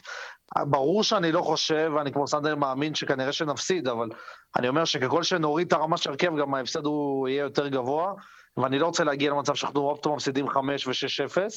וגם אנחנו ארסנל, לא יודע, אנחנו קבוצת uh, צמרת uh, לגיטימית באנגליה. נכון, לא היינו עכשיו uh, כמה שנים טובות בצמרת, אבל המועדון הוא מועדון ענק, ואנחנו לא יכולים לבוא ולוותר על משחק הזה. לפחות לעשות את המקסימום וכן להוציא אפילו תיקו. אני חושב שתיקו לא יהיה כזה הזוי להוציא מסיטי, אני באמת חושב שזה לא שעכשיו אין שום, אני לא רואה שום סצנריו, אני רואה סצנריו שנוציא תיקו, ואולי, ואולי באיזה ככה נס גם ניצחון, אבל כמובן שזה יהיה משחק קשה, אבל לא הייתי מוותר עליו. ואני חושב שברגע ששמים הרכב ראשון יום שלישי, לגמרי לגיטימי ששחקנים ישחקו שני משחקים בשבוע, וזה סבבה לגמרי. בהתחשב בזה שאין לנו אירופה, הם יכולים לעבוד בזה. אה, אני נוטה להסכים איתך, דניאל, בכל מה שקשור, בכל מה שאמרת למשחק נגד נוריץ', ולחזק את זה מסיבה נוספת. דווקא הניצחון נגד סנדרלנד, שהקבוצה הזאת, קבוצת המשנה, הציגה יכולת כל כך טובה, ובאמת הם מגיעים במומנטו טוב אחרי הניצחון הזה, אני חושב שדווקא הייתי ממשיך פשוט באופן ישיר לרוץ עם, אני לא אגיד הרכב זהה, כן, אבל עם חלק מהשחקנים שהצטיינו במשחק הזה, אפשר בהחלט להשתמש בהם גם במשחק נגד נוריץ'. אבל חברים, אבל שנייה, אבל... ואם עכשיו אתם תעלו עם ההרכב המשנה, כן, עם הרבה רוטציה והרבה עניינים, ואתם תגלו שפתאום במחצית אנחנו נהיה בפיגור 1-2-0 או 2-1 ואז אנחנו בדקות האחרונות אחרי שנכניס את השחקני הרכב הראשון שלנו נחלץ תיקו זה, זה משחק שהולך לפח. אני חושב שזה משחק שאנחנו חייבים לקחת. לא אם אנחנו מסתכלים על סיטי שזה משחק שאנחנו יודעים שלא ניקח אנחנו חייבים לקחת את נוריץ' חייבים. שמע, אני אגיד לך כזה דבר, אם החילופים לא הצליחו באותו משחק, כן, בתסריט הזה שאתה מתאר, אז כנראה שבאמת לא הגיע לו לנצח, כנראה שכל הקבוצה מסריחה. אז כאילו, זה כבר לא עניין של בחירת ההרכב, אלא פשוט מאוד שחקנים שלא הופיעו. יש לך בסופו של דבר אופציות מהספסל. לא במקרה יש לך אה, ספסל מעובה עכשיו, והרבה יותר אפשרויות שאתה יכול לשחק איתן, והחוכמה של המנג'ר במקרים כאלה שוואלה, אתה נקלע לאיזשהו פיגור לא צפוי, זה באמת לדעת לשלוט במשחק. וזה אגב אחת הביקורות כלפי אה, מיקל ארטטה, שבהרבה מאוד משחקים הוא לא כל כך שלט במשחק, כלומר החילופים שלו היו קצת, קצת הרבה הזויים. אז אני חושב שבמקרה כזה שאתה פוגש יריבה נחותה, אתה צריך להפגין את העליונות ולעשות את ההחלטות הנכונות בבחירת השחקנים, אה, ההרכב אה, ובעיקר החילופים שלך. בעיקר החילופים שלך, כי אם אתה רוצה להשפיע על המשחק תוך כדי משחק, והשינויים הטקטיים והשינויים הפרסונליים שאתה עושה, אז אתה באמת יוצא מאמן גדול. ו- וזה, כן, זה, במקרים כאלה זה באמת המבחן של מיקל ארטטה לדעתי. טוב, נחכה ונראה מה, מה יקרה במשחק הזה. אה, כן, אז בואו בוא, בוא נהמר על תוצאה, חברים. אה, אה, נתחיל איתך, דניאל. כמה כמה הולך להיגמר נגד נוריץ'? אני אומר 3-0 לנו. אוקיי, סנדר, ההימור שלך. 2-0 לארסנל. 2-0 לארסנל. אוקיי, כן, כן, גם לי לא נראה שנוריץ' הולכת לכבוש לרשת של ארסנל, אז אני גם אצטרף אליכם, וזה פחות או יותר ההימור שלי, בין 2-0 לבין 3-0. אה, נקווה שזה גם מה שהולך להיות. בכל אופן, בחלוף 42 שעות בלבד, כן, עשיתי חישוב, מהמשחק של אה, נגד נוריץ', ארסנל תפגוש בביתה את וולפס, וזה קורה בעצם במחזור ה-20 בפרמייר ליג, אצטדיון אמירייטס, יום שלישי, 28 בדצמבר, בשעה שתיים וחצי שעון ישראל, כן, שעה לא נוחה, אה, באמצע השבוע. אה, אבל כן, יש, אה, יש משחק, אה, ווולס בעצם החליפה בקיץ האחרון את המנג'ר שלה, כאשר ברונו לאגה הפורטוגלי החליף מנג'ר פורטוגלי אחר, את נונו אספיריטו, שעבר בעצם לטוטנאם, ומאז כבר הספיקו לפטר אותו, אז הפרידה, הפרידה הזאת לא, לא עשתה טוב לנונו, אבל בכל מה שקשור לוולס, בסך הכל היא שרדה אותה בצורה טובה, היא בסך הכל בעונה די בסדר מבחינתם, שוב נמצאת בחלק העליון של הטבלה, נכון לעכשיו היא מדורגת במקום השמיני בפרמייר ליג עם 25 נקודות, אמנם ניצחון אחד בלבד בשש משחקי הליגה האחרונים שלה, אבל היא כן הספיקה כבר uh, לצבור כמה תוצאות יפות, uh, כמו תיקו אפס נגד צ'לסי במחזור האחרון, ולפני זה ניצחון על ברייטון וניצחון על וסטאם לפני חודש, קבוצה שבהחלט צריך להיזהר ממנה. אז אה, חברים, על מה, על מה צריך לשים דגש אה, במשחק נגד וולפס? אז אני חושב שוולפס זה באמת קבוצה שהופכת לאט לאט בשנים האחרונות להיות איזושהי קבוצה לגיטימית בעשירייה הראשונה. אה, זה כבר לא סימן שאלה, זה כבר סימן קריאה. אני חושב שאנחנו צריכים להיזהר פשוט מהמשחק הטכני שלהם. יש להם המון שחקנים טכניים, אם זה נטו, אה, ואם זה נבס, וכמובן אה, אה, החלוץ שלהם שאז לואיז התנגש בו, שכחתי את שמו, ש... שפשוט חלוץ מדהים, ראול, לא, ראול חימנז, ראול חימנז שמו. כן. אז אנחנו צריכים לא לאפשר להם את המשחק הטכני שלהם ולשמור אותם צמוד, כי זו קבוצה שאם אתה נותן להם את השטחים, אז הם יודעים להשתלט על המשחק. אז אני חושב, אני ככה עובר על התוצאות של וולס, אני חושב שיש להם הגנה מצוינת, ואני ככה בתוצאות האחרונות, אם תסתכלו, זה צ'לסי 0-0, סיטי ניצחה אותם 1-0, טיברפול ניצחה אותם 1-0, יונייטד ניצחה אותם 1-0, זאת אומרת שיש להם הגנה מאוד מאוד חזקה. ביחס לקבוצת uh, אמצע טבלה, יש להם הגנה מאוד חזקה, והמשחק יהיה מאוד לא פשוט. אני חושב שיהיה, צריך לשים דגש למשחק אגפים, ש... משם כנראה תבוא הישועה, כי כנראה האמצע שלהם יחסית חזק על פי התוצאות שאני ככה באמת מגלגל, ואני רואה שבאמת רוב הקבוצות מנצחות אותם, אם מנצחות 1-0, 1-0 קטן, או תוצאות של 1-1, 0-0. אה, משחק לא פשוט, זה משחק כבר של קבוצה שהיא בגדול אה, שני מקומות מתחתנו, ככה שאפשר להגיד שווה כוחות בגדול, אה, ושוב, אבל זה בבית, ואני כן מצפה לניצחון, בעיקר שזה מול סיטי. בוא נגיד, אם לא היה סיטי אחר כך, אולי הייתי יכול לחיות עם תיקו, אבל לא במצב שעשיתי אחרי זה. כן, uh, צריך לזכור שזו קבוצה שמשחקת קבוע במערך שכולל שלושה בלמים, ואנחנו יודעים שארסנל כבר מצאה העונה פתרונות לקבוצות כאלה באמצעות המעבר למערך של 4-4-2 קלאסי. אבל צריך לזכור שאז היה לנו את אובמיאנג, שיחד עם לקזט יצר את המבנה הזה. ובהנחה שלא נראה את אובמיאנג יוצא מהמידוד המשמעתי הזה עד למשחק נגד וולפס, אני רוצה לשאול מה הדבר הנכון ביותר לדעתכם לעשות במשחק הזה במקרה כזה? אולי אופציה של אדי אנקטיה? אולי אה, בלוגן אה, בתור פרטנרים של לקזט בחוד? אז אני חושב שדווקא לא, לא זה ולא זה, אני הייתי הולך עם מרטינלי. אה, על חשבון זה שבעצם אתה תשים את סמית רו אולי בעמדה שלו, ואז אה, עוד אגריה באמצע. אה, כי באלוגון זה שחקן שכל פעם כשהוא מקבל את ההזדמנות שלו, וראינו את זה עכשיו במשחק האחרון נגד סנדרלנד, הוא לא לוקח את ההזדמנות בשתי ידיים.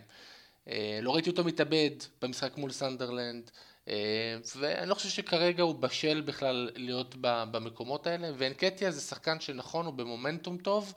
אה, הייתי שוקל את זה, אם הוא היה משחק נגד נורוויץ', הוא נותן שם משחק טוב, אז אולי הייתי שוקל את זה, אבל לא בשום סינאריו אחר. אוקיי, טוב, אז בואו נאמר ככה על תוצאה אה, במשחק של ארסנל נגד וולפס. דניאל, נתחיל איתך. אה, אני הייתי אומר, יהיה משחק צמוד, יהיה 2-1 לארסנל. אוקיי. אני הולך על 2-0. 2-0. 2-0.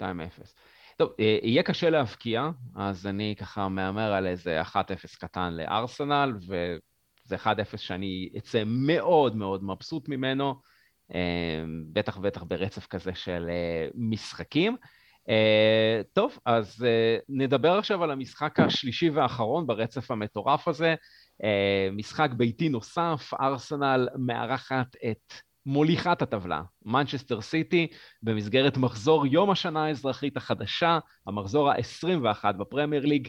זה יוצא ביום שבת, הראשון בינואר 2022. שוב שעת צהריים בשעה שתיים וחצי שעון ישראל. משחק סופר מעניין בבית מול אה, קבוצה שמוליכה עכשיו את הטבלה. אז לפני שאנחנו מתחילים לדבר עליו, אני רוצה להגיד שאנחנו במועדון אוהדי ארסנל בישראל מתכוננים לקיים אה, מפגש, מפגש צפייה שלישי העונה אה, ביום המשחק, וכמובן פרטים נוספים אנחנו נדאג לפרסם באיבנט מיוחד שייפתח בעמוד הפייסבוק שלנו, ישראלי גונרס.